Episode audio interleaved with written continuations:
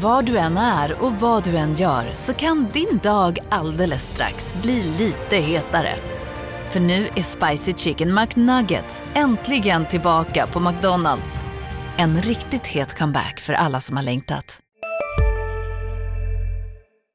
Ingen choklad idag. Nej, men jag har mycket annat gott. Vad är det för märke?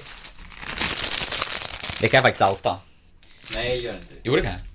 Nej, men vi får inga pengar för det. Nej, men det är okej för att eh, jag stöder den här verksamheten. Det är ju fiket i vårt eh, Ja, hus. Ja, ja. Jag sa inte namnet, men det är fiket i vårt hus där vi sitter och jobbar.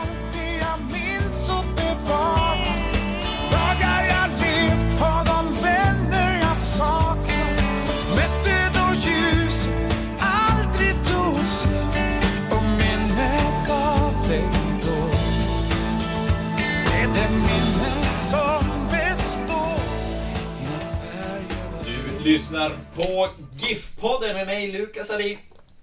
Och med mig, Oskar Lund. Ja, Oskar har munnen full av macka, så jag tror att jag eh, får inleda lite här. Ja, det blir bra. För vi är på dagen före matchen mot Elfsborg.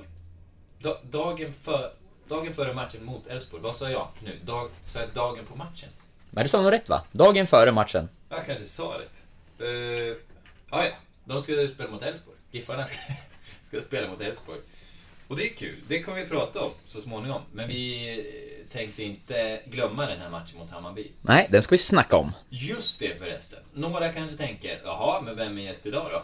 Eh, och idag har vi ingen gäst. Nej, vi har inte det. Nej, vi... Eh, det har inte riktigt blivit av. Kanske lite med tanke på tätt mellan matcherna och täta scheman för oss. Eh, nästa vecka, det ska vi jobba stenhårt på nu, för nu har vi en hel vecka på oss. Det är tisdag idag. Absolut. Nästa och, vecka ser vi till att ha en gäst här. Ja, och nu är det ju dessutom, det är match onsdag, det är match eh, söndag.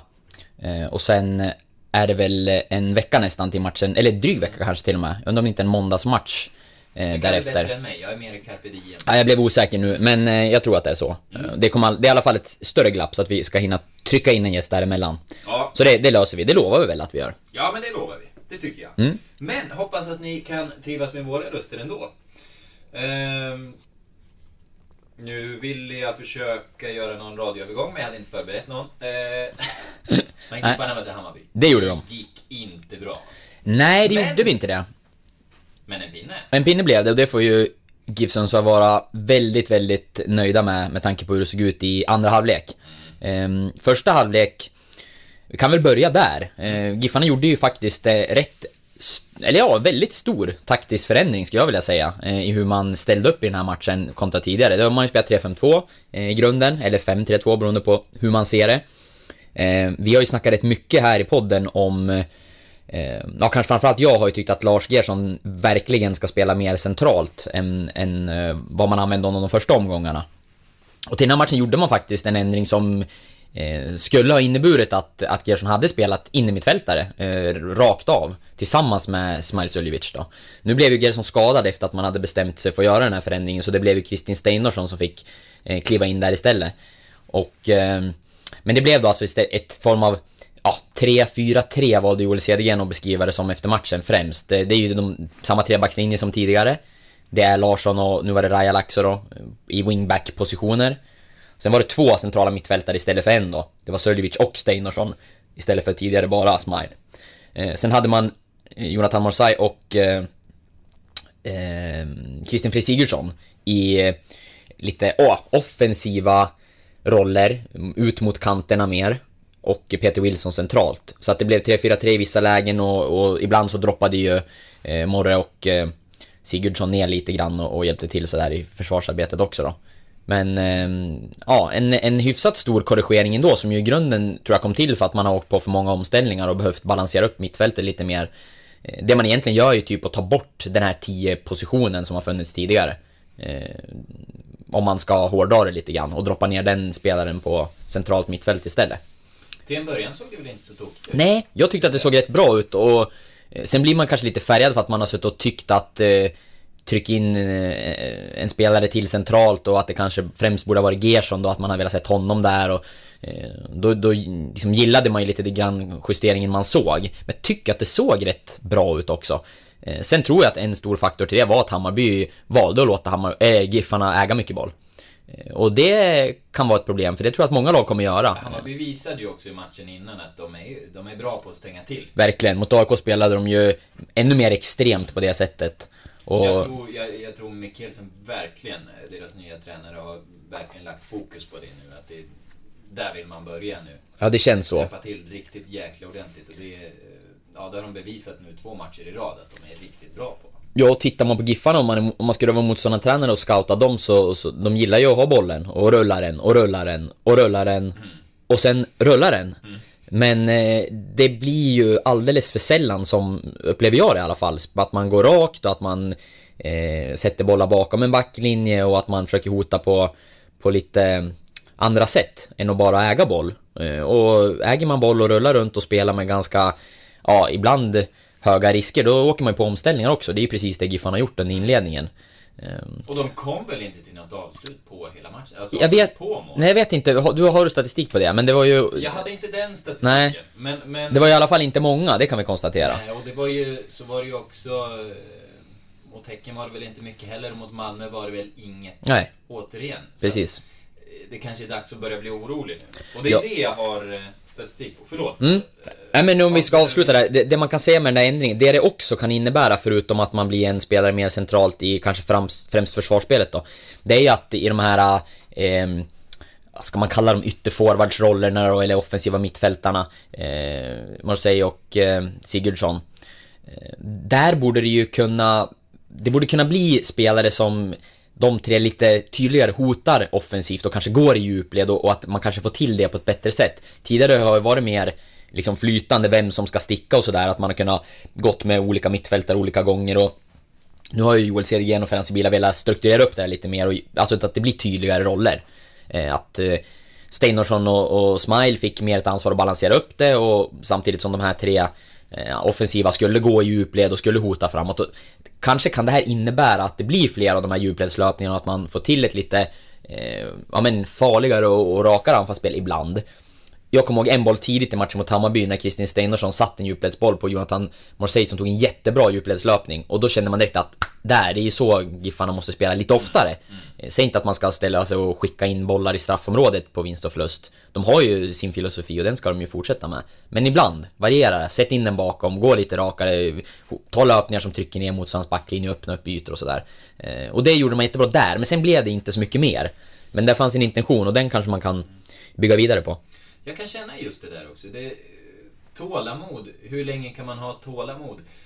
För jag tror många känner så eftersom många egentligen på förhand har varit ganska kritiska till det här 3-5-2. För man provade ju förra säsongen, det funkar inte riktigt. Nu känns det som... Eh, nu har man ju fått en hel försäsong och eh, bygga på det här. Eh, och det finns lite mer grund för, för att göra den här satsningen på det här spelsystemet. Man vill få in den i hela föreningen som Nikola var här och pratade om. Och det är ju sen nu när det inte, när det inte klaffar till en början så man blir ju lite så här vad är det de ger sig in på? Har de, har de gått på för djupt vatten?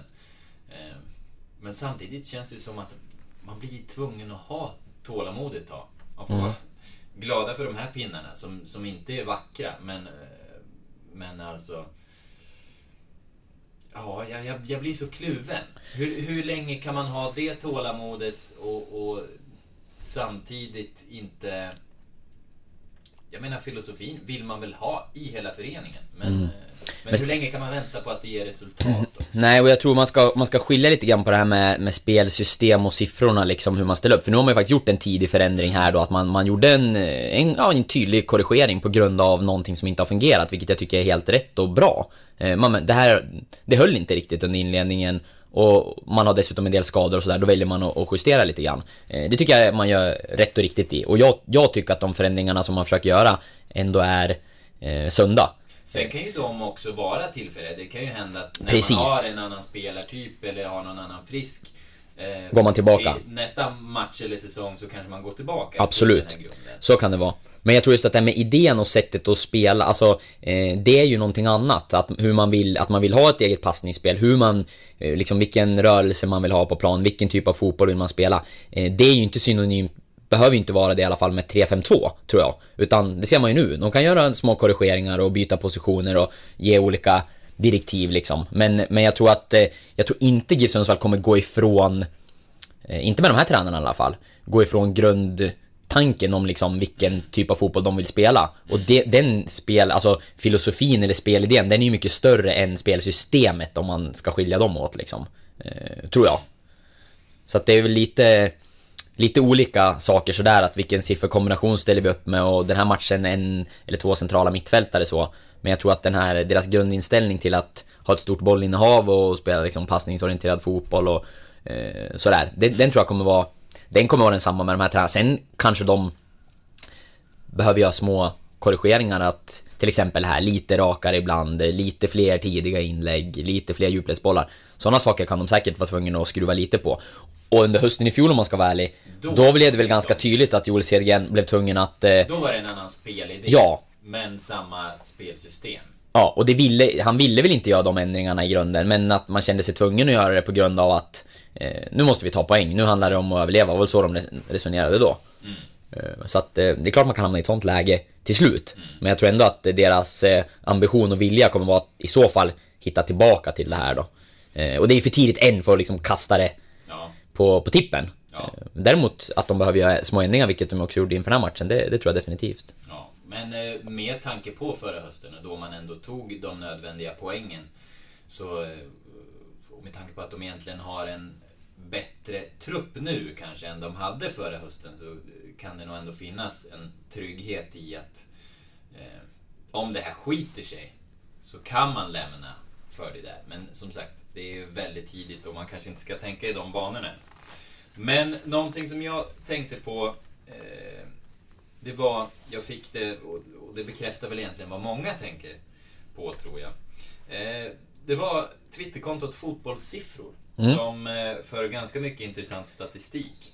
Som skickade ut en bild på passningsspelet i Giffarna. Vi har pratat om något sånt förra veckan om en, en sån här heatmap mm. på hur, hur Giffarna passar. Att de passade runt mycket i backlinjen. Jag trodde det kom från förra säsongen. Men nu kommer ett lite färskare. Till och med från eh, matchen i Hammarby. Och där är det, jag visade dig, jag visade det här för dig Oskar. Jag, ja. jag kan dra en Jag har mina aningar om hur det kan se ut. En retweet på det här. Mm. Eh, från mitt Twitterkonto. Men eh, det är ju så att de med stora tjocka prickar, de har passat 60 passningar eller fler. De är mellanstora, som till exempel Sigurdsson där längst fram, de har spelat 40 passningar och de med små, små prickar, de har spelat 20. Mm. Eh, och vi kan säga så här, backlinjen, de har spelat sina 60 passningar. Precis som Smile Suljevic och Kristin Steindorsson i mitten. Och sen Erik Larsson ute till höger. Sen är Morsey, Wilson, Sigurdsson och Rajalax. Och det är de som har varit delaktiga minst i, eh, i passningsspelet mm. i GIF 11. Och det bekräftar väl lite det här att de, de spelar runt mycket i backlinjen, på innermittfältet och anfaller via högerkanten, men har svårt att få in anfallsspelarna i, i spelet, få mm. dem delaktiga. Absolut. Uh, Sen är det, det är väl inte... Eh, nu har vi inte något att jämföra med. Men jag skulle ju tro att i väldigt många lag, åtminstone om man är spelförande, så är det i backlinjen och på det centrala mittfältet som man slår flest passningar. Det är ju fullt eh, naturligt skulle jag säga. Eh, men eh, däremot så, så visar det väl, ja men antalet passningar kanske då, utifrån hur många man slår, att eh, ja, det är inte, det är inte så ofta som, som anfallarna och de offensiva mittfältarna är involverade. Det, och även det här med högerkanten som du nämnde är ju intressant. Det är klart att man ska använda Erik Larsson mycket med tanke på att han är en eh, av lagets absolut bästa spelare. Men jag kan tycka att många gånger så, så blir det för mycket och man, eh, man varierar inte tillräckligt ofta. Utan... Den åsikten tycker jag syns mm. ofta också i, nu i, i sociala medier och folk man diskuterar med. Att det är väldigt mycket Erik Larsson högerkant. Mm. Nej men visst, och det, som sagt det är ett av GIF Sundsvalls bästa vapen. Mm. Han ska användas och sättas i spel jätteofta. Men inte varje gång. Utan man måste kanske hitta en liten bättre balans där. Eh, för det, har- man har ju också kört, kört fast där vissa gånger. Eh, när man matar och matar och matar. Eh, och ja. Men eh, nej men det är ju som sagt, siffrorna stämmer ju överens med det vi, det vi tycker. Och det man känner är lite grann Giffarnas problem. Vi får försöka kolla kanske. måste ju få med anfallarna mer i spelet. Absolut. Ja, men Pet- som Pet- det är nu, det, är ju knappt några avslut. Nej, Peter Wilson har väl i princip inte varit involverad överhuvudtaget eh, i spelet under de här, den här inledningen på Allsvenskan. Nej. Och det är ju också intressant med tanke på att eh, det tror jag vi har varit mer sansade i och för sig, men, men det känns som att när man har läst kvällspress så tycker jag att de har framhävt Peter Wilson som, som en kille som ska göra målen i Giffarna. Men eh, som vi har varit inne på tidigare, tror jag också, så, Mm. så är han kanske inte mogen för, att- för att axla det än. Det är kanske mer Linus Hallenius som man ska axla med det. Nu hade han väl problem med en vad inför den här matchen Mm. och då är det klart, då är det Pe- Peter Wilson som ska spela. Men eh, Nej, jag håller med vi helt. ska inte förvänta oss att han kommer göra 10 mål i år. Nej, jag skulle göra sex mål som förra säsongen tycker jag att han gör det bra. Det har varit min inställning på förhand och, och som du säger, sett högre förväntningar på Linus Alenius att, att han ska vara den bärande spelaren eh, bland anfallarna. Eh, utan tvekan. Och eh, där har det ju verkligen strulat under inledningen av säsongen eh, för Hallenius del då med tanke på att i, i premiären då, då blev han pappa strax innan, skulle ha startat. Eh, sen var han borta från truppen helt och sen lyckades han hinna dit i tid för att sitta på bänken och hoppa in kort. Eh, men, eh, men en startplats försvann där så att säga då. I, till matchen mot Malmö så valde man ju att köra vidare på det vinnande konceptet från premiären, vilket var helt naturligt. Då fick eh, Hallenius hoppa in eh, tidigt. Eh, och eh, sen mot Häcken så startade han, började pikt, klev av sen när GIF skulle jaga. Eh, och senast skulle han ha startat igen. Men på grund av vad, känning i vaden så, så var han på bänken och ja, han hade kanske kunnat hoppa in var det jag fick höra. Men att det var verkligen i nödfall. Så att, ja, två, två av matcherna som han skulle ha startat egentligen då har ju Linus Hernelius fått kasta in handduken till mer eller mindre, eller varit på bänken fast under speciella omständigheter. Ehm, och hade han fått en annan start och spelat hela matchen mot AFC, då kanske Kanske GIF Sundsvall hade fått igång honom och, och ett målskytte och, och därmed ett, ett bättre anfallsspel. Det är ju mycket möjligt. Så att, eh, får se här nu om han är hel och fräsch till morgondagens match mot Elfsborg. Då tror jag att han spelar från start. Men det är ju också intressant, eh, apropå honom och hans skada, Eh, så hade vi ju gett eh, en, en hel sida i, i tidningen tillägnad Giffarnas skador. Eh, du hade fått bygga ihop en hel startelva med skadade spelare. För det är, det är en startelva borta. Ja det är ju det. det. Det började ju med att, eller började med, det har ju varit mycket skador, det har vi snackat om och sådär. Men sen så i samband med match mot Hammarby så fick jag nys på att Jo Pirtioki är så pass skadad i foten att han ska magnetröntgas så att man har vissa farhågor för att det kan handla om en stressfraktur. Vilket ju skulle kunna innebära en lång frånvaro. Eh, och det är precis, och det är därför man ska magnetröntga honom imorgon onsdag. Eh, bland annat att få ut, hoppas Giffarna kunna utesluta det, men, men det finns vissa tecken som pekar på att det skulle kunna handla om det. Ehm, och, och så var det ju även Romain Gall då, som vi fick före matchen reda på var tvungen att lämna återbud. Var påtänkt att starta den matchen. Eh, och då när jag gjorde en intervju med Pirtioki där strax innan avspark och började skriva den eh, Började räkna, jag och kollega Andreas Lidén listade upp alla skador och tänkte att vi bara skulle ha med en faktaruta på de spelarna i GIF som saknade. Så när vi började räkna så insåg vi att Ja, det var 11 spelare som eh, hade skadeproblem eller inte var spelklara då. I Carlos Moros Gracia och David Batanero. Eh, och då ska man ju säga det, vi har ju även flickat in där Lloyd Saxton som ju egentligen är utlånad. Men han är ju i Sundsvall och bedriver sin rehab och är en GIF-spelare som är skadad. Så att eh, han var väl kanske ett gränsfall då. Men han fick vakta målet i den där 4-4-2 uppställningen som det blev. Eh, backlinje med icke spelklara Carlos Moros Gracia. Eh, knäskadade Filip Tägström. eh, samma med David Myrestam och, eh, Tioki och Pirtiukki, Eh, precis. i foten då. Mittfält med knäskadade Erik Granat. Icke spelklare Batanero som också rehabbar efter knäskada. Eh, vi har Lars Gerson med höftböjare. Och eh, sista namnet där Romain Gall då som jag tror är rätt bra chanser att han kan spela matchen mot Elfsborg men inte säkert. Baksida lår spökar för honom. Och så längst fram då Linus Alenius med sin vad. Som gjorde att han var tvungen att sitta hela matchen på bänken mot Hammarby och Samuel Aziz som rehabbar efter knäskada. Alltså det, det känns ju verkligen som att alla egentligen skulle kunna gå in och starta. Kanske inte Assist och Saxton. Eh, Nej, och samtidigt så- Aziz tyckte man såg rätt spännande ut under delar av försäsongen och liksom att definitivt en, en het inhoppare som kan gå in och göra mål liksom och sådär. Eh, nej men då tittar man på den truppen Giffarna hade senast. Eh, det var ju inte mycket allsvensk rutin som satt på bänken där. Det var andre keeper William Eskelinen, det var Linus Salin, det var Jaudet Salih, det var Amaro Batiar, det var Sebastian Friman och eh, det var Linus Hallenius då som, hade, som var skadad. Eh, Dennis Olsson också då såklart. Så det var väl egentligen Dennis som hade ordentligt med, med rutin från de här sammanhangen och de som kunde spela. Linus Hallenius satt där och hade ont och var inte riktigt aktuell. De övriga, eh, ja, jag vet inte om de har allsvenska minuter överhuvudtaget någon av dem. Eh, sådär på rak arm. Jaudet gjorde väl åtminstone sin debut nu när han fick hoppa in.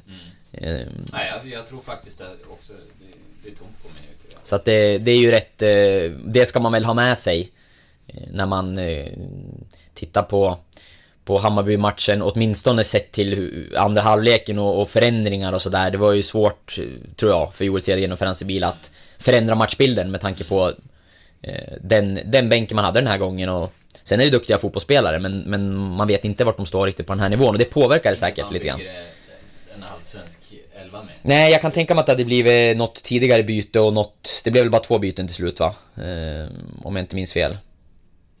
Olsson och Salih kom in. Mm.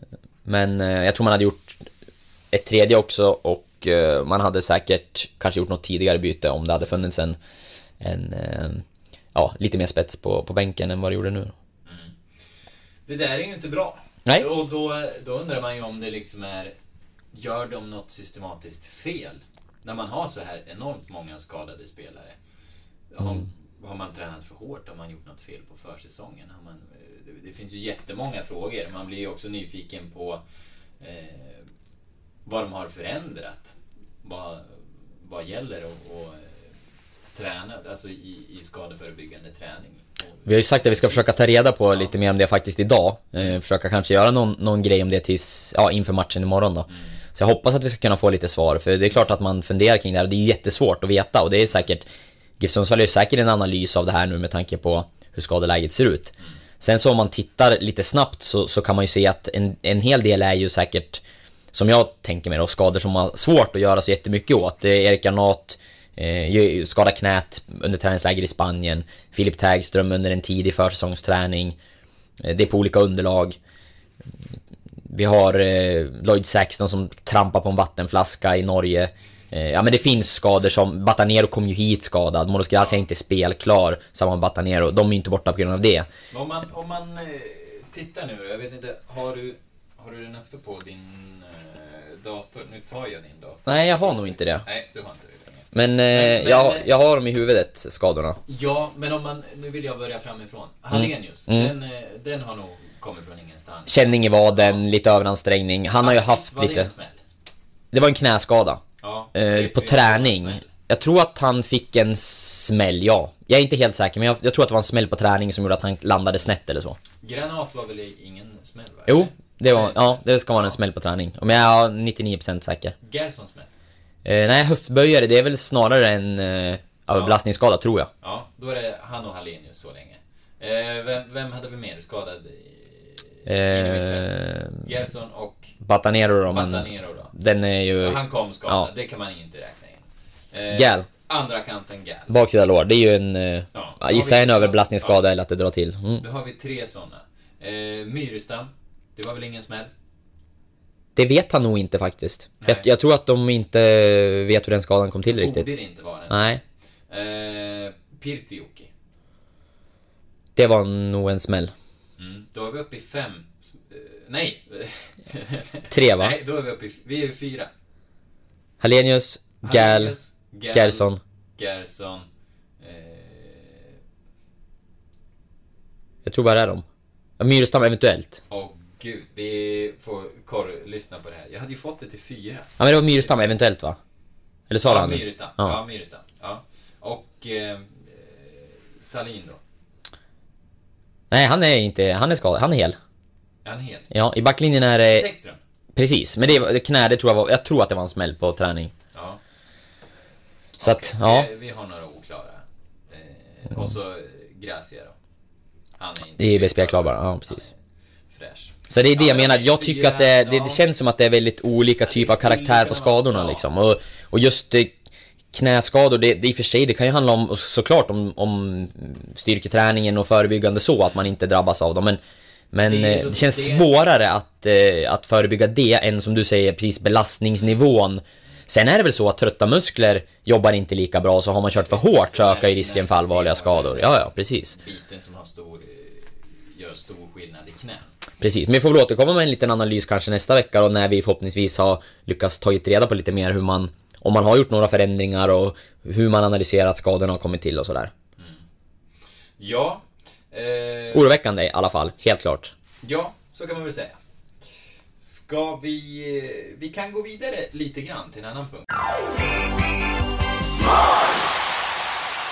En fråga som uppstod under matchen, eller för mig i alla fall, var... Jag tyckte att i två skeden tidigt i matchen mot Hammarby. Eh, ena läget eh, förstärkte Sigurdsson efter en smäll. Jag kommer inte riktigt ihåg smällen. Eh, men han låg kvar och vred sig, fick inte frispark. Då hoppade han upp glatt och, och, och spelade vidare. Eh, andra läget, det var ju det här friläget och det är det här som har blivit en fade. Där jag anser att Sigurdsson filmar. Eh, då uppstår ju frågan, är han en filmare?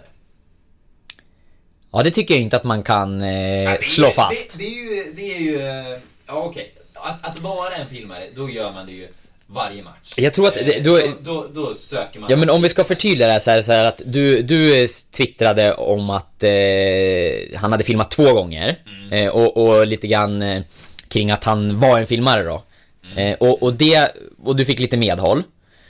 Eh, och du fick medhåll av mig om en situation, att jag tyckte att det var en, en klar förstärkning Mm. Ja, eller filmning. och det är den jag framförallt tycker är Ja. intressant. För den andra såg jag. Men det jag den tror att- första situationen såg jag. Men det jag tror vi ska stanna lite vid, är att jag tror att den kritiken du fick, eller tillsammans med, det var, ni var väl två där i den i, från början, Mm. eh, handlade en del om att man kategoriserade in Kristin Frey Sigurdsson som en filmare. Och det fick ni rätt starkt mothugg på. Mm. Ja. Och det kan jag förstå. Ja, För det är, precis. det är hårt. Ja. Och, och det kan också, kan också vara felaktigt. Jag skrev i, i mitt första tweet då, är Sigurdsson redan uppe i två filmningar? Fruktansvärt usla dessutom. Och så uttalar jag mig om den första i den tweeten, fast jag inte riktigt har sett den Nej. första. Men det var väl just det, med tanke på hur snabbt han hoppade upp så tror jag man Mm. ändå, och att han inte fick frispark, utan domaren liksom vinkade upp honom. Eh, så kan man väl säga att den inte var bra. Eh, den andra då, eftersom den är omtvistad så måste den ha varit bättre. Mm. Men han fick ju inte med sig någon fast situation. Men nu när du läser upp... nästa tweet, då, då, då skriver jag, eh, för jag fick ett svar där, fy. Och då skriver jag, trist att se att han tycks ha den dragelsen. Och det är där Det är den... vår gode eh, poddvän Johan Martinsson klev in. Eh, han tycker att det är solklart. Kollar reprisen på TV så ser ni att han får en smäll på foten när han är på väg igenom. Solklar frispark. Mm. Ehm, Och, det, och då, jag tror att han, han, jag tror att han, nu får han väl eh, kanske ringa in till podden här om han eh, ja, inte håller med, men jag tror att han till stor del tycker, alltså stör sig på det där med att han har den dragelsen och att ni kategoriserar Ja. honom som filmare. Eh, eller ni, du, men... Och, och det, det kan jag köpa lite grann. Ja, men däremot så håller jag ju inte med om situationen i sig. Alltså, när man ser reprisen, du har visat den för mig flera gånger nu innan vi körde igång också. Mm. Det kan vara att han får en touch eh, tid, alltså i första läget så att säga. Men sen tar han ju, och då faller han inte. Utan tar ytterligare något steg. Och sen rinner bollen iväg. och då och håller då- han sig för andra, för, för det andra benet, för knät och slänger sig. Alltså- en döende svan. Ja. Anser ju jag. Att, att, I det här läget. Ja men att, ja, ja, men att han kastar, att han, eh, att han förstärker, absolut. Mm. Eh, och eh, jag, jag skulle kalla det för, för filmning eh, som det blir. Sen kanske det var frispark i första läget, den touchen han får. Det är omöjligt för oss att bedöma hur hård den är eller hur den tar. Men han tar ytterligare steg, bollen rinner iväg och sen faller han. Så att... Eh, Det är, det är klart att det kan vara en kontakt, men jag har svårt att se att det är en så pass grov kontakt att man behöver ramla. Men det är klart, får du en liten touch, du ser att bollen rinner iväg, som den faktiskt gör. Du- Han når ju inte bollen. Målvakten lägger sig ner och plockar in den. Eh, Då måste man ju ta till det man kan egentligen. Och jag vill säga så här, även om jag nu eh, kanske gick för hårt ut här och, och kategoriserade honom som filmare. Jag får ändå någonstans stå för det. Eh, så menar jag också att men, om han nu skulle vara eh, en filmare, eh, är det så himla tokigt då? Jag menar, man, man vill ju vinna matcher. Nej, men det- men grejen är ju, ska man göra det, då får man ju göra det bra också. Har man misslyckats en gång under en match, då tycker jag då kan, då kan man hålla igen sen åtminstone eh, en timme. men, men nu var det ganska snart efter som det kom en situation där, där man eh, liksom på nytt kan, kan tvista om han förstärkte eller inte. Och eh, då, då blir det lite för mycket. Men det är ju en del av spelet att förstärka. Det är ju klart man vill ha fördelar på planen. Och eh, det är ju inget konstigt om han skulle göra det. Jag, jag tror inte att det är många anfallare som, som, eh, som, som inte skulle lägga sig i, i tveksamma situationer. Det är väl De, fl de flesta för, förstärker ju, eh, om inte annat, alltså om det är en frispark och så visar man det lite tydligare, rullar ett extra varv eller faller lite enklare. Men jag har ju jättesvårt för filmningar och, och tycker att det förstör otroligt mycket. Eh, så att... Eh, eh, man har, ju- det, är ju, det är väl en del av spelet på ett sätt eftersom det förekommer, men det, jag har svårt att acceptera det. Och, och bli irriterad varje gång oavsett vilket lag som gör det. För att, jag menar, om det laget man håller på, om, det, om man klart filmar till sig en straff, inte känns det lika härligt när den eh, bollen går in. Jag tror inte det. Jag tror att, eh, kanske hos vissa, men jag tror att de allra flesta ändå tycker att filmningar är, ja åt helvete om man ska vara helt eh, ärlig. Om det är motståndarlaget. Nej, men jag, jag tror inte att man gillar när ens- eget lag gör det heller. Nej, Men, men samtidigt, samtidigt så gläds man ju alltid över en seger. Jo, det gör Och, man ju. Är det skillnaden mellan en seger och en förlust? Klart det blir lite snack då, men, men samtidigt har du en någon som är så pass bra på, på att filma att det liksom är att du inte kan avgöra om det var rätt eller fel. Då tror jag ändå att eh, i det, i det fallet så, så, så kan man hylla det. Då är det, ju, då är det ju en bra egenskap egentligen hos anfallaren. Aha, jag har svårt, jag har svårt att hålla med dig här. Ja, men Mattias, man, man vill ju ha fördelar på planen. Ja, men inte, nej, inte via filmningar. Måste, måste segrar vara så himla vackra? Nej, inte vackra, men... eh, men Jag är ju en förespråkare av italiensk fotboll. Jag romantiserar ju den goda filmningen. Men den dåliga filmningen, den... så, så egentligen stör du mer på att det är en dålig filmning än att det är en filmning? Ja, hade han lyckats med filmningen, då hade jag ju... Då hade jag kunnat tycka att han var ett geni. Men nu är den ju så...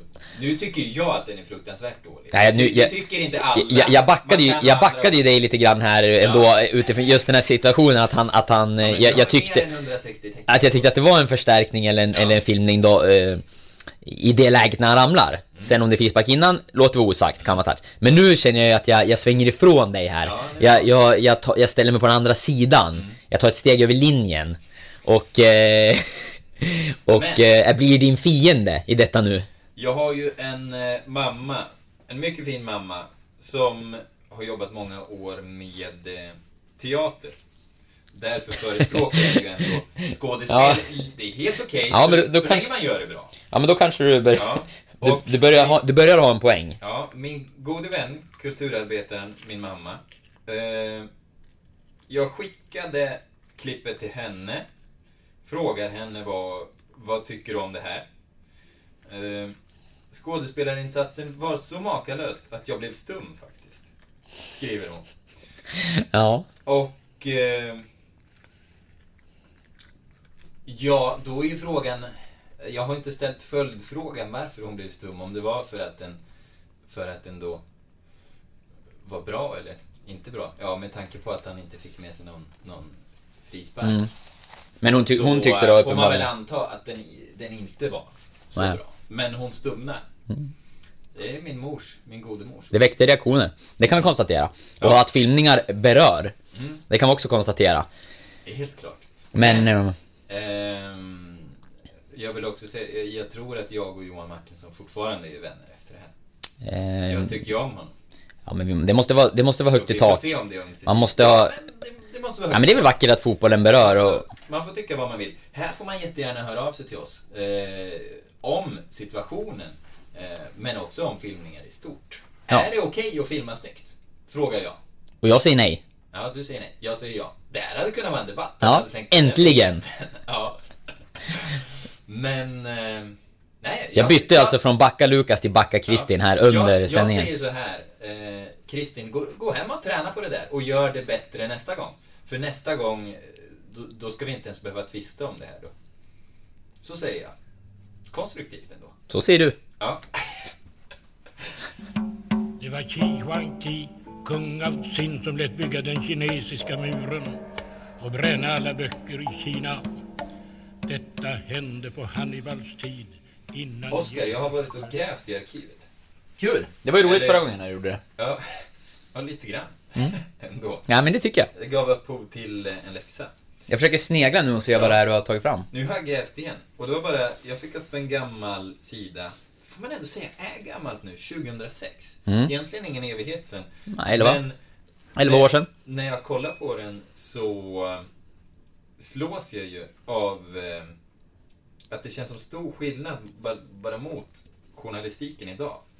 Vi bara tittar på namnen som har signerat den här artikeln. Och det är idel profilstarkt alltså. Det är Mattias Eriksson, Mm. numera Wallström, som, eh, som ju är eh, en av alla våra chefer Japp. och har varit en sväng på Expressen, jobbar kvällstidning. Mm. Chef där också. Ja, ja det också. Titt på fan. Eh, det har han ju varit. Och Johan Linderstam, Mm. Aftonbladet-profil. Ja. Och sen är det ju den kanske största nyhetsjägaren av alla just nu i, inom svensk fotboll.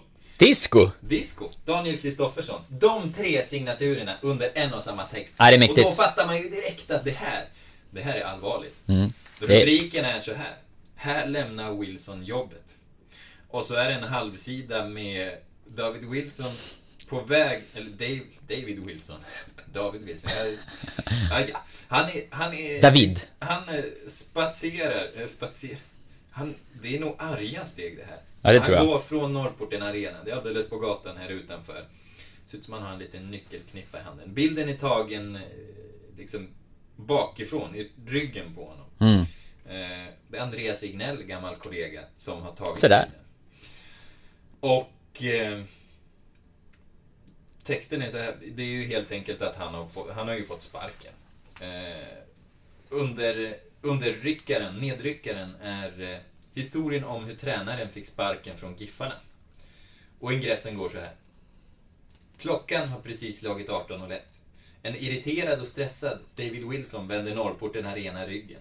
Hans tid som tränare för GIF Sundsvall är över. Så här gick det till. Sen beskriver man eh, allt det här. Det är, återigen, det är återigen floppar här egentligen som jag tar fram. Jag kanske är elak. Ja, du är, du är nog det. Du har den eh, kanske är dragelsen. Du kanske är den gode och jag den onde då? Ja, ja, skitsamma. Den 11 november presenteras David Wilson som ny tränare för GIF Sundsvall. David känns som helt rätt man för att GIF Sundsvall ska infria sina mål och spela i Allsvenskan igen år 2007, skriver klubbchefen Urban Hagblom i ett pressmeddelande. Men det dröjer inte länge innan brittens tuffast ledarstil I de sekunderna när jag är i luften så är det en kamp på liv och död. I Spotlights serie Vinnarskallarna minns stjärnorna själva de dramatiska svenska sportögonblicken. Hör Anja Persson berätta om när hon kraschade i OS-backen men reste sig igen. Jag ville vinna över berget. Vinnarskallarna, nytt avsnitt varje fredag. Sök efter podden Spotlight. Hej, Synoptik här.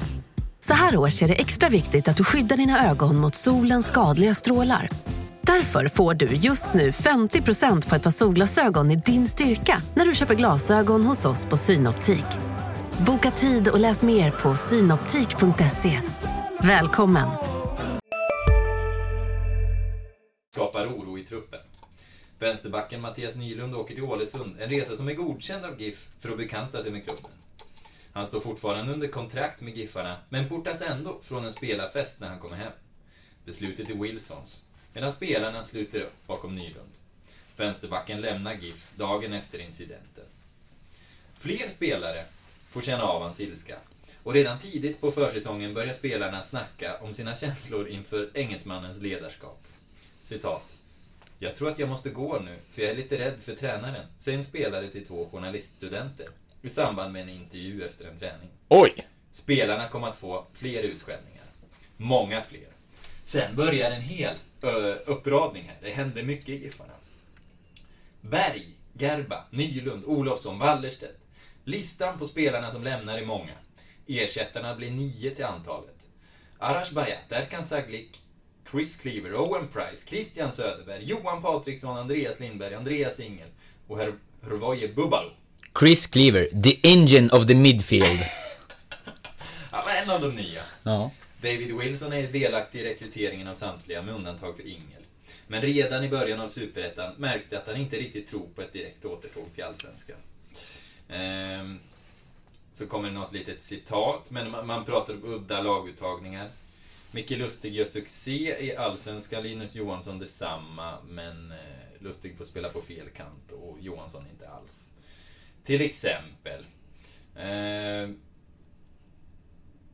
Ja, sen, sen... Eh, det handlar ju helt enkelt om det här. Jo, i omklädningsrummet efter slutsignalen är den brittiske tränaren upprörd och skäller på allt och alla och ordet 'fuck' är ständigt återkommande.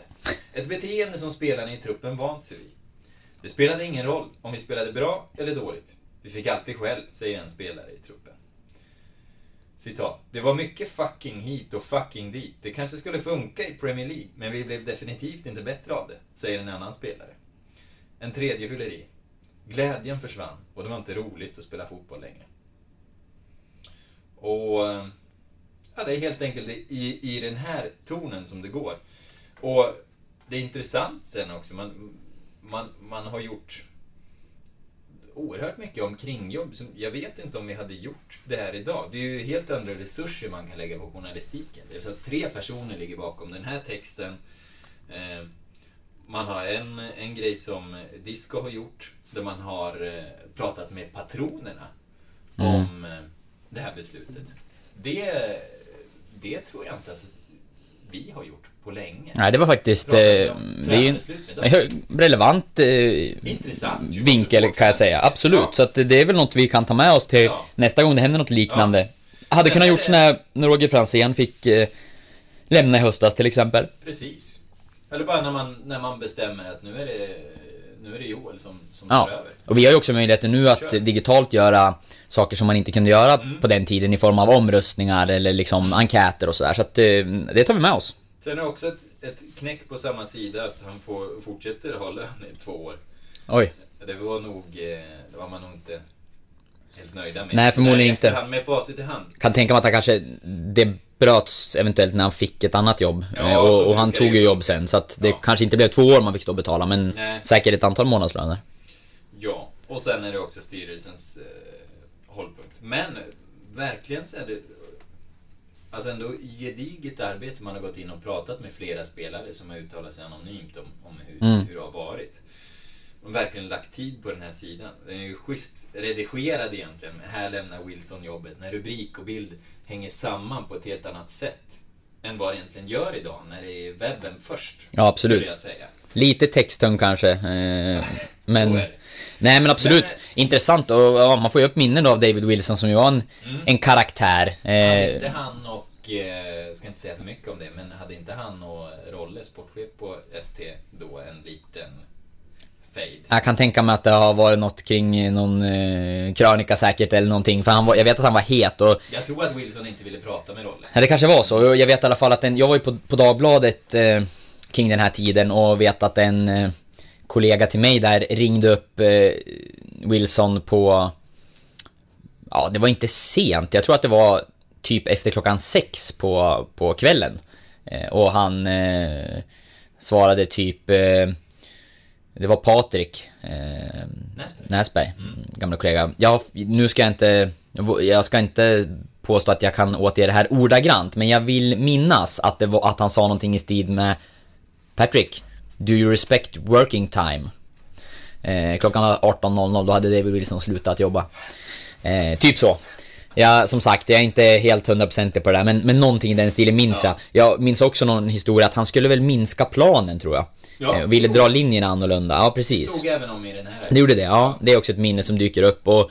Eh, ja, för mig också, För apropå... han ska ju tydligen, eh, om man ska nämna något positivt, så ska han ju ha varit fullständigt fanatisk i jobbet. Mm. Och, och det var ju också en sån där grej, att han, han trodde man kunde dra fördel av att förminska planen. Idag tror jag att man skulle lägga ganska lite energi på planstorleken på norrporten. Det kanske vi får Ja. dubbelkolla. Ja men alltså det är ju en eh, alltså, fotbollskunnig människa, det tror jag inte man kan ifrågasätta. Han har ju, han eh, tog sig fram, som jag minns det, i Manchester United. Jag tror han tillhörde deras eh, ungdomsakademi. Jag tror att han var uppe och representerade A-laget någon gång, eller fanns med i någon cupmatch sådär. Ehm, och... ja, har varit scout sen, eh, tror jag, åt Premier League-klubbar faktiskt. Så att, eh, att han kan fotboll, och han gjorde ju väldigt bra saker med Ljungskile också sen. Så att, eh, kunnig så, men, men speciell. Och eh, jag har för mig när vi pratade om försäsongsträning och skador att när David Wilson var i Giffarna, var det inte så att man simmade otroligt mycket? Jo. Och körde försäsongsträning i vatten? Jag, jag har en, en eh, liten grej på det, apropå det Mm. som Mika Sankala har ju berättat i efterhand att när han tog över GIF-truppen, alltså, han förvånades över deras eh, Hur dålig tränare de var, va? fysiska Ja. status. Så eh, det stämmer och just det här med simningen, eh, det var jag lite osäker på men nu när du säger det också Det är minne, har jag men- för mig det också. Ja, jag tror att det var så. Jag tror också det. Och jag, jag, det är också en sån här story som jag inte har bekräftad på något sätt. Men jag har bara fått den återberättad för mig och det, det var att vi spelade väl Patrik Eriksson Olsson under Wilson. Jag tror det. Jag tror att han var, Ja, lag, var lagkapten då också. Ja, och var kapten, som jag minns det. Eh, jag tror att det var så att PO hade vita skor Mm. där någon sekvens. Och eh, som jag den story jag har fått höra, det är att det gillade inte David Wilson. Han kunde inte ha en lagkapten och mittback som spelade med vita skor. Eh, och det fick eh, Patrik Eriksson Olsson höra. Eh, vi får kolla det här med PO, han bor väl i Sundsvall fortfarande. Vi får väl slå honom en signal och se om det stämmer. Men, David men Wilson skulle ju ha varit skogstokig idag när det inte ens finns svarta Nej, precis. Jag tror bara att det är kåpa som lever kvar. Ja. Så att ja, men det, det var en sån story som man har fått höra kring den där eh, tiden. Och det var också otroligt styrt, du nämnde det här med intervjun. Att det var några skolelever som intervjuade en spelare. Ja, som, det har jag också minnen här nu då, man har ju inte... Vi gör ju det här på uppstuds när vi lyfter fram de här grejerna, så vi, Ja. vi förbereder oss ju inte. Men jag tror att det var så att han med järnhand styrde hur man fick göra intervjuer och sådär. Och så har det ju inte fungerat i GIF Sundsvall på ja, överhuvudtaget sen dess. Jag har alltid haft bra tillgång till spelare och... Allsvenskan överhuvudtaget är ju så unik i det att vi har en så öppen serie. Vi är ju bortskämda med hur mycket vi kan träffa spelare och det kan jag tänka mig kommer han från, speciellt från en organisation som Manchester United. Jag hörde så sent som, som häromdagen eh, lyssnade jag på ett eh, någon vecka gammalt avsnitt med Frida Mm. I Olof Lunds Ja, jag har också hört det. Och hon berättade ju om just Manchester United att hon jag tror inte det är någon En av de mest stängda klubbarna, ja. Mer stängd. Och eh, kommer man från engelsk fotboll till svensk fotboll så eh, förvånas man nog över hur öppet det är. Det tror jag också. Ja, jag tror generellt i England så är det så att det är i samband med någon presskonferens, öppen träning och matcher som de får prata med spelarna, annars inte alls. Och apropå ledarstilen, eh, det här med att vara så väldigt tuff verbalt mot sina egna spelare. Det, är så det, det kan ju funka på vissa lag. Det beror ju helt på vad man har för, för typ av spelare. Men eh, i andra lag, absolut inte. Här verkar det ju ha varit totalfel på den typen av eh, spelare man har. Mm.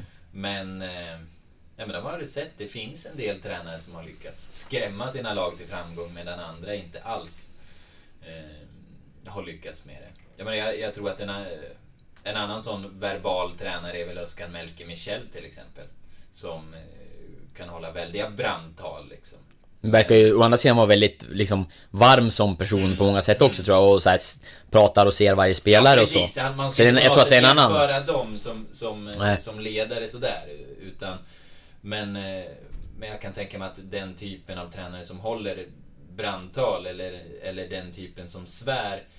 Eh, ja, det funkar inte för alla. Nej. Eh, vissa vill nog bara ha en realist också som berättar hur man ska göra och sen så går man ut och gör det. Mm. Det är väl lite som skillnaden på om du som spelare är du en sån som behöver lyssna på musik för att, för att och pumpa ut maximalt med testosteron innan matcherna eller är du en sån som hellre bara snackar skit och dricker lite kaffe innan matchen? Mm. Det Nej, är visst. väl precis den skillnaden. Men, eh, men det tror jag att vi ska lämna det avsnittet.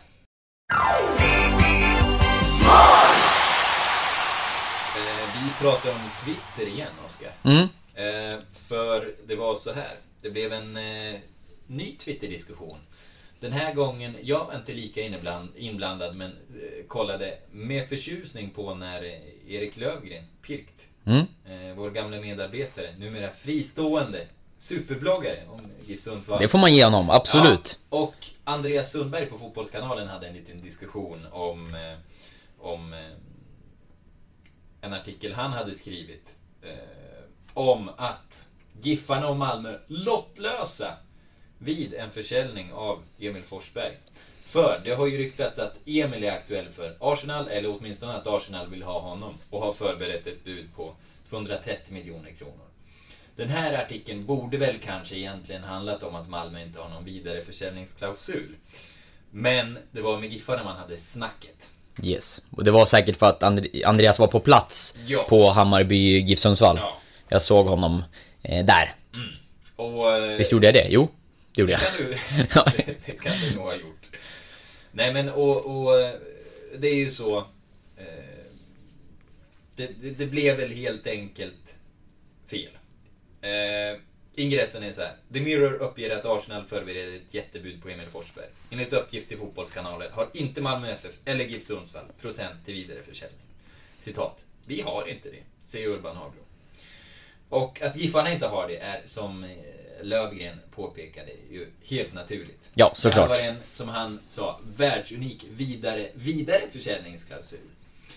Om man så vill, en, en super-mega försäljningsklausul. Ja, GIF hade ju en rätt bra vidareförsäljningsklausul när Emil gick från Malmö till Leipzig. Men sen är han ju Leipzig-spelare, vilket ju gör att det är... Eh, om de säljer ho- honom... Om de säljer honom vidare så kan ju eh, de eventuellt skriva in en vidareförsäljningsklausul. Så egentligen är ju långnäsan här till Malmö som inte har någon vidare försäljningsklausul. Så skulle de inte ha gjort. Men Nej. å andra sidan så gav vi ju förmodligen mer pengar i stunden. Exakt. Eh, Men i eh, artikeln här så menar man ju att Giffarna inte har någon procent för vidareförsäljning. Men det blir ju inte riktigt rätt. För eh, det är ju alltid en liten solidaritetspeng. Och det nämner han ju också. Samtidigt som han, han säger att de inte har någon procent så har de ju ändå 4,5 procent. Malmö har 0,5 procent. Det är inte lika mycket. 230 miljoner och 4,5 procent. Det är 10 millar till Giffarna. Otroligt mycket pengar. Ja! Eh, om det är att vara lottlös, då är jag gärna lite lottlös också. Nu har han väl inte använt ordet lottlös kanske, men... Jo, jag- ja, de har Det det. var rubriken. Ja, lottlös var med där. Oj, ja. Nej, Det är ju direkt felaktigt. Ja. Eh, sen så vet man ju om man ska... Är lite svårt sådär för att såg, såga... det Man vet hur det är. där- ja. Det kanske inte var André, eh, liksom Andreas Sundberg som satte rubriken Nej, till den här artikeln. Och däremot borde väl... Den är lite hårdvinklad. Den borde ha varit vinklad på att Malmö FF har ingen vidareförsäljning. Eh, och, och att Giffarna har eh, rätt till en rätt stor solidaritetsersättning i det här fallet. Eh, När han svarade Lövgren också så verkade det ju som att han, han ville liksom peka på Malmö. Ja. Eh, men här... För det är ju en bra grej, kan jag Ja, tycka. Om man kan avslöja att Malmö FF inte Ja. har en vidareförsäljningsklausul på Emil Forsberg och dessutom inte rätt till speciellt stor del av solidaritetsersättningen. Det är 0,5% eller vad hade de? Har de, Ja, de har 0,5%. Det är ju för dem lite, väldigt lite pengar. Eh, Och det är ju en bra nyhet, skulle jag säga. Eh, Jag trodde att de hade förhandlat in en, om jag hade bara fått gissa utifrån så hade jag trott att Malmö givetvis skulle ha en vidareförsäljningsklausul. Eh, Så att eh, det hade varit förvånande för mig och då kanske vinkeln snarare borde ha varit att så här mycket kan GIF Sundsvall få. Ja. Eh, Och att Urban hade fått berätta om det. Ja. Och eh, den vinkeln har ju vi gjort några gånger fast då har det handlat Ja. om andra klubbar än, äh, än Arsenal. Precis. Då var det Liverpool. Men, men... ehm, nej, helt enkelt. Man, om man ska tänka sig in i situationen. Han är på en GIF-match. Han får det här från Urban att ja, men vi, vi har ingen. Eh, han får uppgifter om att Malmö eh, inte heller har någon. Han kanske försöker få tag på Malmö. Får inget Eh, svar, träffar får, Urban. Får inget svar, träffar Urban precis. Då, Få bekräftat att de, jag menar det är klart att Och- och- det hade kunnat, det är inte, det är inte det, så Det här att... kan ju rinna ut i sanden och bli inaktuellt i och med att Emil också sagt att han vill stanna Ja. i Leipzig i samband med det här. Och skulle han då vänta ännu mer, skulle han vänta två dagar på att få svar från Malmö så skulle han se ganska eh, det skulle se ganska dumt ut kanske med en publicering, för då, då är ryktena helt inaktuella. Nu vill man ju smida medan järnet är varmt. Få inte tag på Malmö. eh, Få tag på Urban i och med att han är här på plats. Och så, och så blir det den här artikeln och... eh, Ja, det, blir, det blir knasigt. Det som står, Ja. i, det som står i själva artikeln Ja. är ju inte felaktigt eh, på så sätt att han berättar ju liksom att eh, Giffarna. GIF Sundsvall kommer få 4,5% vid solidaritet. Han, han berättar att de inte har en vidareförsäljningsklausul från Leipzig och det stämmer ju. Mm. Men grejen är väl att det hade ju varit så, det hade ju varit så otroligt unikt om de hade haft det. Så att det känns som en, som en icke-nyhet så på Giffarna. Plus att det här med lottlöst, det blir ju felaktigt i rubriken och så. Det, det, det är ju fel. Där vill man ju nästan tro att det är en... Någon annan som har spetsat det, ja. Som har, som har spetsat. Sen kan man ju, det man kan lägga till här då, när det gäller Emil Forsberg, eh, vad jag vet så är han ju den spelare som har inbringat GIF Sundsvall mest eh, pengar eh, genom tiderna tror jag. Inte i direktavgångssumma. Eh, där var väl Mikael Lustig till exempel större och någon till. Eh, Stefan Silva och ja, det har funnits fler. Men om man räknar på Emil totalt sett så dels genom övergången till Malmö och sen eh, procenten som han fick när han såldes från Malmö till Leipzig. Och sen så kommer man ju kanske få ännu mer pengar för honom då, eh, om man blir såld vidare framöver. Så att, eh, jag vet jag gjorde någon, någon artikel med Urban Hagblom i, om det var i vintras, med de, med de största försäljningarna i Sundsvall har gjort, vilka som genererar mest pengar. Och, eh, där uttalade han sig väl om att eh, Emil var den spelare som har gett klubben mest pengar, men inte indirekt försäljning då. Det minns jag. Och mer kan det bli.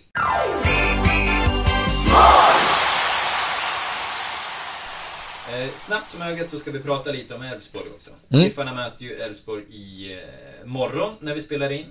Eh, och Elfsborg, vi, vi kanske ska surra lite om det. Vad, vad har du fått för intryck av dem i Allsvenska starten? Ehm, du såg dem ju mot eh, Kalmar och, när de imponerade stort och, och twittrade lite om det, hur bra de såg ut. Och, ja, det blir Twitter mycket här. Och då, då hade ju vi en liten beef där. Nej, men då svarade väl jag att ja, men jag tror inte att de kommer eh, vara abs, abs, absoluta toppen. Det är ju klart att det är ett lag för övre halvan och de kan vara topp 5 och så, men jag tror inte att de kommer slåss i guldstriden, var väl det jag ville mena. Eh, och du var väl inne på det också, att kanske, men att de kan slå alla lag. Och så är det ju. De har ju en spets eh, som, som gör att de kan vinna mot alla lag i Allsvenskan, absolut. De har ju otäck kreativitet egentligen. Verkligen. Väldigt många offensivt skickliga spelare. Ja. Men det är också kanske just där som det brister. Det är inte särskilt defensivt balanserat och framförallt då på innermittfältet. Nej, precis. Så att det är ja, men ett spetsigt lag som, som kan spela fantastiskt fin fotboll i sina stunder. Som... eh, Ja, de spelar ju på konstgräs och de är vana underlaget när de kommer hit och... eh, Det kommer bli en jättetuff match för, för Giffarna, det, det tror jag. Sen så tror jag inte att Elfsborg kommer vinna SM-guld. Men jag tror att de kommer kunna vara med... Eh, ja, rätt högt upp i tabellen. Efter att ha sett någon match mer här efter Kalmar så vet man ju också med facit i hand hur, hur dåliga Kalmar egentligen har varit. Ja. För det har de verkligen varit och, och försvarsspelet helt obefintligt.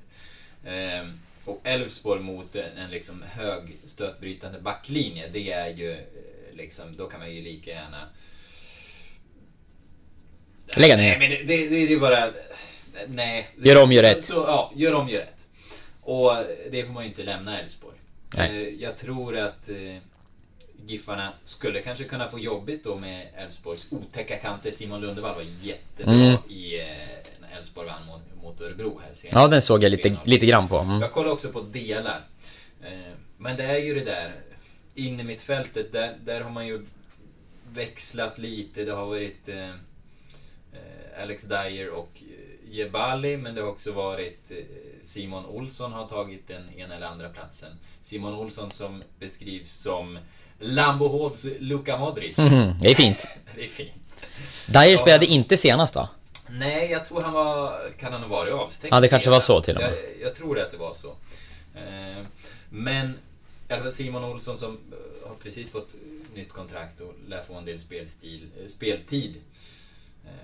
Det är en spännande spelare sådär. Och de är ju bolltrygga allihopa, men eh, de skulle må bra av att ha någon, eh, någon lite brunkigare kille på mitten kanske. Mm, absolut. Men hur tror vi att det passar Giffarna då? Ja, vad ska man tro? Nu har vi sett några lag som har, ja, det är Malmö då som, som dominerade mer mot, mot Giffarna. Ehm, Vi har Häcken och Hammarby som, ja Hammarby inledningsvis la sig defensivt liksom och sen tog över mer och mer i andra halvlek. Häcken som kontrade mycket och lät Giffarna ha en hel del boll. Ehm, Jag tror ju att Elfsborg kommer vilja, det är ju ett lag som vill ha bollen. Jag har svårt att se att de, även om de inte kanske kommer gå på vråloffensiven på bortaplan sådär, men jag, jag tror ändå att de kommer, de kommer vilja ha ett större bollinnehav. Är det här enda gången den här säsongen som Giffarna kommer förlora på session? Ja, jag vet inte. ÖFK kommer ju vilja utmana om eh, bollinnehavet såklart. Eh, Malmö för att de är så pass bra. Eh, det finns... Hur var det mot Malmö? Jag ska Ja. inte säga enda gången, men... Nej men jag, för, jag förstår var, vart du vill komma. Ja. Eh, ja men jag tror att Elfsborg kommer vilja ha betydligt mer boll än vad an, många andra lag. Så att... Eh, det man skulle kunna ur GIF-ögon sett hoppas på då, det är väl att det kanske finns lite ytor för de här omställningarna och lite rakare spelet som, som vi efterlyser. Att här kanske de naturligt dyker upp. Att man tar en djupledslöpning så finns det en yta att gå i och då kanske det blir eh, mer naturligt för GIF Sundsvall att sätta en boll bakom backlinjen eller att eh, ja, försöka gå lite rakare. Eh, eventuellt. Kanske i, passar också det här mot ett eh, så pass elegant in i mitt fält att kunna att kunna vara övertalig Mm, i och med precis. att man har många centrala fältare. Kunna ta sig förbi den vägen.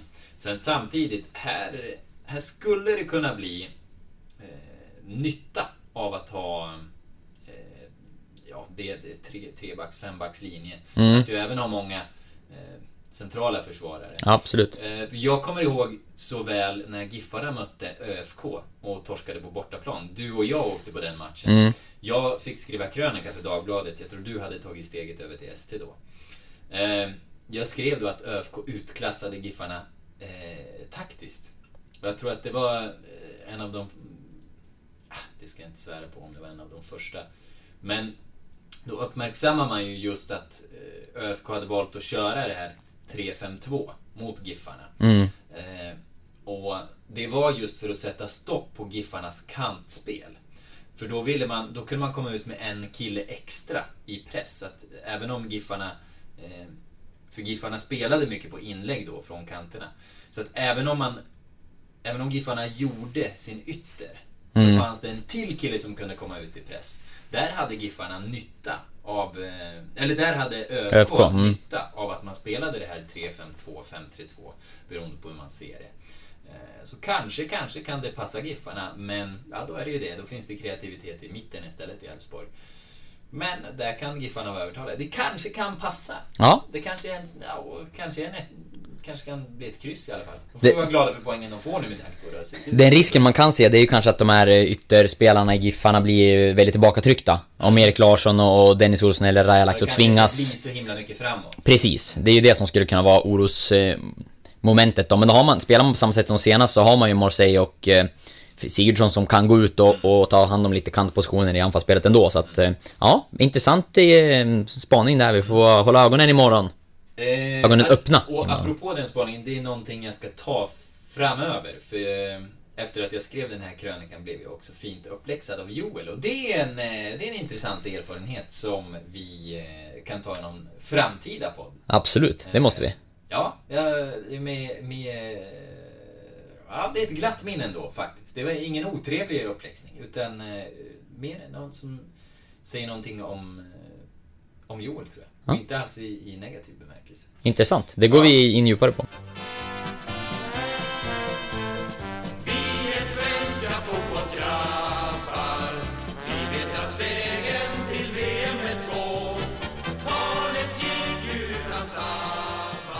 Oskar! Ja! Hatten! Ja! Jag är lite stressad, det är snart giftträning. Fort, fort, Ja, fort! Vi har jättebråttom. Ja, det är Jag du som tar- drar. Jag tar ett namn. Jonas Staaf! Jonas Stav! Vad tänker du då? Eller vad tänker jag då? Är det jag som ska tänka först? Eh, ja, det kan du väl få göra. Ja, kan väl få göra. Eh, Men jag kan börja prata också medan du tänker om du vill. Jaha, nej men jag behöver inte tänka. Supertalang! Supertalang. Precis. Superlovande! Vet du, jag har uppgifter om, jag har inte dubbelkollat det, att han ska han, han kunde gott ha skrivit Tony Flygares bok en gång, Var jag större än Zlatan? För jag tror att det är så här att Jonas Staff har bänkat Zlatan i eh, pojklandslaget. Wow. Mm, wow. Och han var väl uppe i Giffarnas A-lag när han var typ 16. Ja, väldigt ung i alla fall, det vet jag. Ung. Och fick sen problem med skador. Eh, jag vet inte om jag minns rätt, men jag tror att det var någon sån här eh, överrörlig höft som gjorde att han blev sned, ont i knän och olika långa ben. All, alla Mm. följdskador som, som kommer av, eh, av det där. Eh, och sen blev det helt enkelt inte så himla mycket. Jag har haft förmånen att se honom i eh, spel på nära håll när han körde med kuben. Mm. Eh, och för han gjorde något litet försök då att, att kunna börja lira igen. Och de träningarna, även om han då hade rund, rundnat till lite så, så alltså, fruktansvärt vilken, vilken bolltalang. Mm. Och eh, någon gång när han bara, jag vet inte om du minns Nino Cooper som en lokalfotbollslegendar. Ganska bra eh, mittback på den tiden. Hur han vände ut och in på honom. Alltså, sådär, sådär som man bara gör i tv-spel egentligen. Alltså 6, 7, 8 gånger. Som han drog samma spelare för att sen liksom pilla bollen förbi honom och dra upp den i eh, krysset. På... Alltså det, det var liksom... Det var på ett sånt sätt som man inte ser. Alltså det var en sån överlägsenhet som man inte ser. Och man kände ju direkt att han har ju så många nivåer till i sig. Det här var Han hade ju det. förmodligen division 3 då. Mm. Eh, han hade verkligen det. Men eh, sen för honom då så, så tog det några träningar och sen sa kroppen ifrån. Jag vet att han gjorde något litet försök. Ja, var sen Alnö någon också, sväng och också. liksom- ja, jag tror han har varit i Alnö också. Och jag, jag tror han gjorde något försök sen att, att gå ner lite i vikt. För, för att det belastade väl också eh, knäna. Men eh, ja, i slutändan så funkar det inte riktigt. Jättetråkigt. Ja, verkligen. Och det här är, jag, jag har försökt att, att söka tag på Jonas Dag för att göra något så här i efterhand. Så jag tror att eh, det finns mycket intressant att berätta. Men jag, jag har för mig att han, han var lite svår att, att hitta. Okej, ja. Jag vet att han, han bodde i, jag har inte sett honom på jättelänge, men han bodde i Sundsvall för Ja, inte allt för många år sedan och, och jag har stött på honom några gånger och som du säger, man har ju sett honom eh, spela på lokal nivå sen efter Giffarna och sådär också. Eh, nej men det är jag har ju... varit på en nyårsfest där han har spelat i ett band. Jaha, fränt. Jag vet att han var väldigt musikintresserad. Jag tror har... det det det blev istället. Jag har hört någon story där, eh, nu blir det igen så här lite hörsägen, men att han, eh, jag tror att musiken var viktig för honom då när han höll på med fotbollen också. Det kan ha varit någon gång då han gjorde någon prioritering att eh, typ åka på en konsert istället för att mm, fått chansen att träna med, äh, med A-lag. Nej, nu ska jag inte säga säkert här, men det fanns någon sån där grej att han, musiken tror jag var stor för honom då också. Eh, och, och jag vill minnas att det finns någon sorts eh, val där, att han valde någon eh, konsert eller om det var att spela själv eller se på en konsert eller hur det var kontra fotbollen någon gång sådär. Eh, någon story man har hört i efterhand.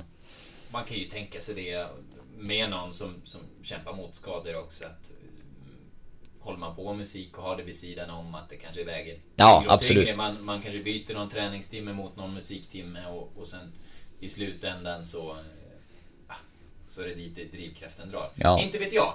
Jag vet inte så mycket men eh, det är mina, mina goda minnen av honom. Mm. Ja, men man, det är ju ändå, man... Eh, vi brukar säga det ibland att det är så här, många av de här namnen jag skriver ner är sådana man blir glad när man hör. Eh, och Jonas Stav är väl ändå en sådär, man, man, tråkigt att, att han inte fick maxa sin potential. Men eh, samtidigt så blir det så här, ah, Jonas Stav, det var en... Eh, det var en eh, lirare med, med någonting extra. Eh, men man hade gärna sett mer av det, såklart. Jag tror någon gång att han kan ha, ha kallats för den största talangen i Giffarna sen Brolin. Inte omöjligt.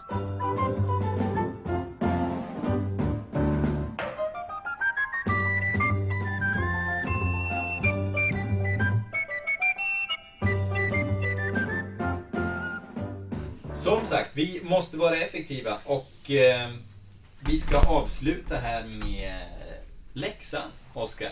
Ja, Och idag är det du som har fått göra läxan. Och eh, frågan var, vad gör Kayo och Dori idag? De gamla brasilianarna som vi pratade om i förra avsnittet. mm. Som inte blev någon hit. Nej Lite precis. Som David Wilson fast, fast ändå ganska långt ifrån.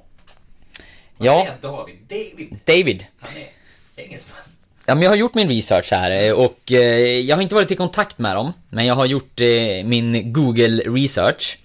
Och för, till att börja med så var, det, ju- var jag tvungen att hitta de fullständiga namnen. Ja. eh, För att kunna leta Då hade vidare. jag kunnat ge dig artikeln. Ja, det fick jag inte, så det fick jag slita fram. Du frågade aldrig. Nej, men Dori... Om, Dorielton. Dorielton Gomez Nascimento. Åh. Nascimento, Edson Nascimento Arantes som du. Nascimento. Ja. Precis. Ehm, och eh, han är då född 1990. Eh, den 7 mars, för övrigt. Alltså fortfarande otroligt ung. Ja. Och eh, när jag tar en titt på, på hans karriär här då så slår det mig att eh, eller vi, syns det tydligt att Fluminense har ju varit en väldigt stor del av hans fotbollskarriär. Under väldigt många år. Det har varit lån till, eh, ja, eh, Brasiliense, CC Yatai, Nautico, eh, GD Sunray Cave, HRB Jiteng? NMG Chonghu. Ja, han har varit mycket i Kina. Ja. Och det är också där han befinner sig nu. Eller han befinner sig väl snarare i... I... Eh, vart är de någonstans? Hoppas Är de i Mongo Mongoliet kanske? Men det är andra ligan i Kina. Ja. Eh, Nej Mongol Chongyu FC. Ja. Andra division i Kina. Där spelar han just nu. Eh, En eh, hemmastadion som har kapacitet för 51 632 åskådare. Då finns det ju underlag för att tjäna para. Det gör ju det. Para finns. Eh, Han är ju anfallare då. Och eh, har inte fått upp någon, någon ny statistik här faktiskt eh, på honom. Golisk statistik. Eh, nej. Men eh, han har varit runt i väldigt många klubbar, blivit utlånad väldigt många gånger. Och eh, han har även spelat i Daljan, Daljan, var det inte där Micke Stare var? Jo. Ja, där gjorde han eh, en påse faktiskt eh, 2014. Eh, men, men just nu alltså i... Ja, Mongol Chongyu Football Club. Eh, andra divisionen i Kina. Eh, rätt bra nivå ändå va? Ja, den är väl, alltså många svenskar går ju dit. Och, eller har gått dit. Nu vill de ju inte ha så mycket svenskar längre för man vill ha... Eh, förmodligen har, har många av de svenska tågen gått egentligen. För de, de siktar ju hellre på mer attraktiva nationer så att säga. De Mm. vill få dit större spelare. Pe- Det är så oerhörda pengaresurser. Det Ja. är så mycket igen att tjäna. Men, eh, ja men det var ju inte så tokigt Nej. ändå. Han, han är säkert nöjd. Mycket utlånad och lite fram och tillbaka och sådär, men det var några sessioner i Kina verkar det som och sådär. Och säkert gjort en del bra pengar och är spelat på hyfsad nivå. Eh, nu tror jag att han tillhör dem, Ja. som det såg ut. Men, ja men okej. Och det var, det var Dori. Ja. Eh, jag ska, ska jag svara, var det verkligen så att han tillhör dem? Ja, jag tror det. Eh, hur uttalar man det? Kaio? Kajo, Kaio? Kaio? säger jag. Ja. Caio Batista. Mm. Korrekt? Ja, det, det måste det vara. Född 1988. Gyllene årgång, precis som mig. Eh, han har tillhört... Eh, han har varit mycket, mycket i Brasilien. Och eh, spelar för närvarande, sen i år faktiskt ny. Han har varit i Resende tidigare. Eh, och eh, den här säsongen så tillhör han Vitória ES. I... Jag har ju dålig koll på det brasilianska ligasystemet faktiskt. Mm, de brukar ju spela i någon regional serie och någon nationell. Ja. Det där är stökigt. Precis. Eh, jag tror ju inte att det här är högsta nivå. Eh, men, Och det brukar finnas några lag som heter Vittoria också. Ja. Så de, de spelar i någon... Eh, jag går in på deras... Jag var in på klubbens eh, hemsida. Och eh, det är ju... Eh, eh, en arena som tar 3000 personer. Så att jag... jag det är ingen... Det är som dels på IP. Det precis, det är ingen jätteklubb det här. Men eh, jag tänkte att för att få en bild av den här föreningen som man nu representerar då. Så tänkte jag läsa deras officiella sång översatt eh, till svenska. Ja, Och, och, det är det här man får höga betyg. ja, och nu, nu använder jag då eh, Googles direktöversättning här. Eh, Ja. det, det är inte, svenskan kommer inte vara riktigt grammatiskt korrekt. Men eh, lyssna nu noga. ja, du gör ditt bästa. Kom tillsammans, vinn. Tillsammans spelar vi. Visa din skjorta. För stolt. Mitt blod är blå. Jag bär fred i mitt bröst. Min Gud ge mig rätt. In med dig, alltid. Seger, seger, seger. Klubb, min jäv... hängivenhet. Blue Eagle flyger. Min dröm, min känslor. Seger, seger, seger. Champion någonsin. Champion någonsin. Dina färger på himlen, de lever. Och du bor i mitt hjärta. 1912. Ett års prakt. Föddes med styrka och kraft. The Eagle Bicolor. Att höja denna flagga. Jag känner gladare. Twist vid denna tid. Det är vad jag alltid velat. Avante Alvianil. För mig är du den största i Brasilien. Avante Alvianil. För mig är du den största i Brasilien. Vore fotboll religion, vore det här trosbekännelse? Ja, jag tror det. Det är fan ta mig det vackraste jag har hört. Jag gråter åt det. Ser du det? Ser du att mina ögon tårar? Ja, det är... Ja, det här var ju det är någon... så vackert. Oskar, även om det inte är en tillstymmelse till melodi här, eh, det var väl kanske heller inte ambitionsnivån. Fan, det, det, det här är fem italienska mustascher. Jag tackar. Jag skiter i att du inte har pratat med dem. Du har, du har trosbekännelsen där. Ja, det har jag. Ja. Amen. Am. Jag kan, jag kan lägga till här då på K- Kaio. Ja. ja, just det. Det fanns mer på honom. Eh, ja, nej men han, hans klubbar genom åren här då, Fluminense var han ju i då fram till 2009, så han lämnade dem ganska kort efter han var i GIF Sundsvall. Mm.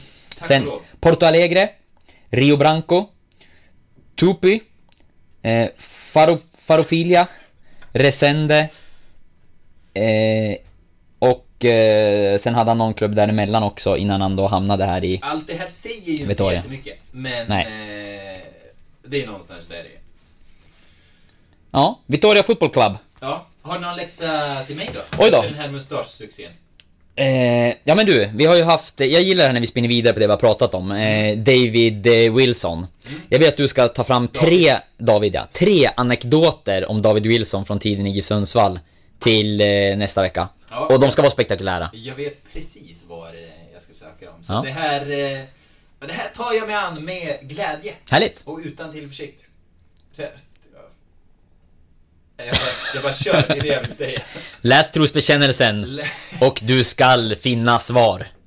Så kan det vara. Men eh, vi tackar för det. Det gör vi. Vi kommer göra massa plusläsning, eh, Mm. säkert. Du kommer göra det. Jag ska dra på träning nu direkt. Ja, ja, tack för det. Jag ska på bjudlunch. Hej då! Hej!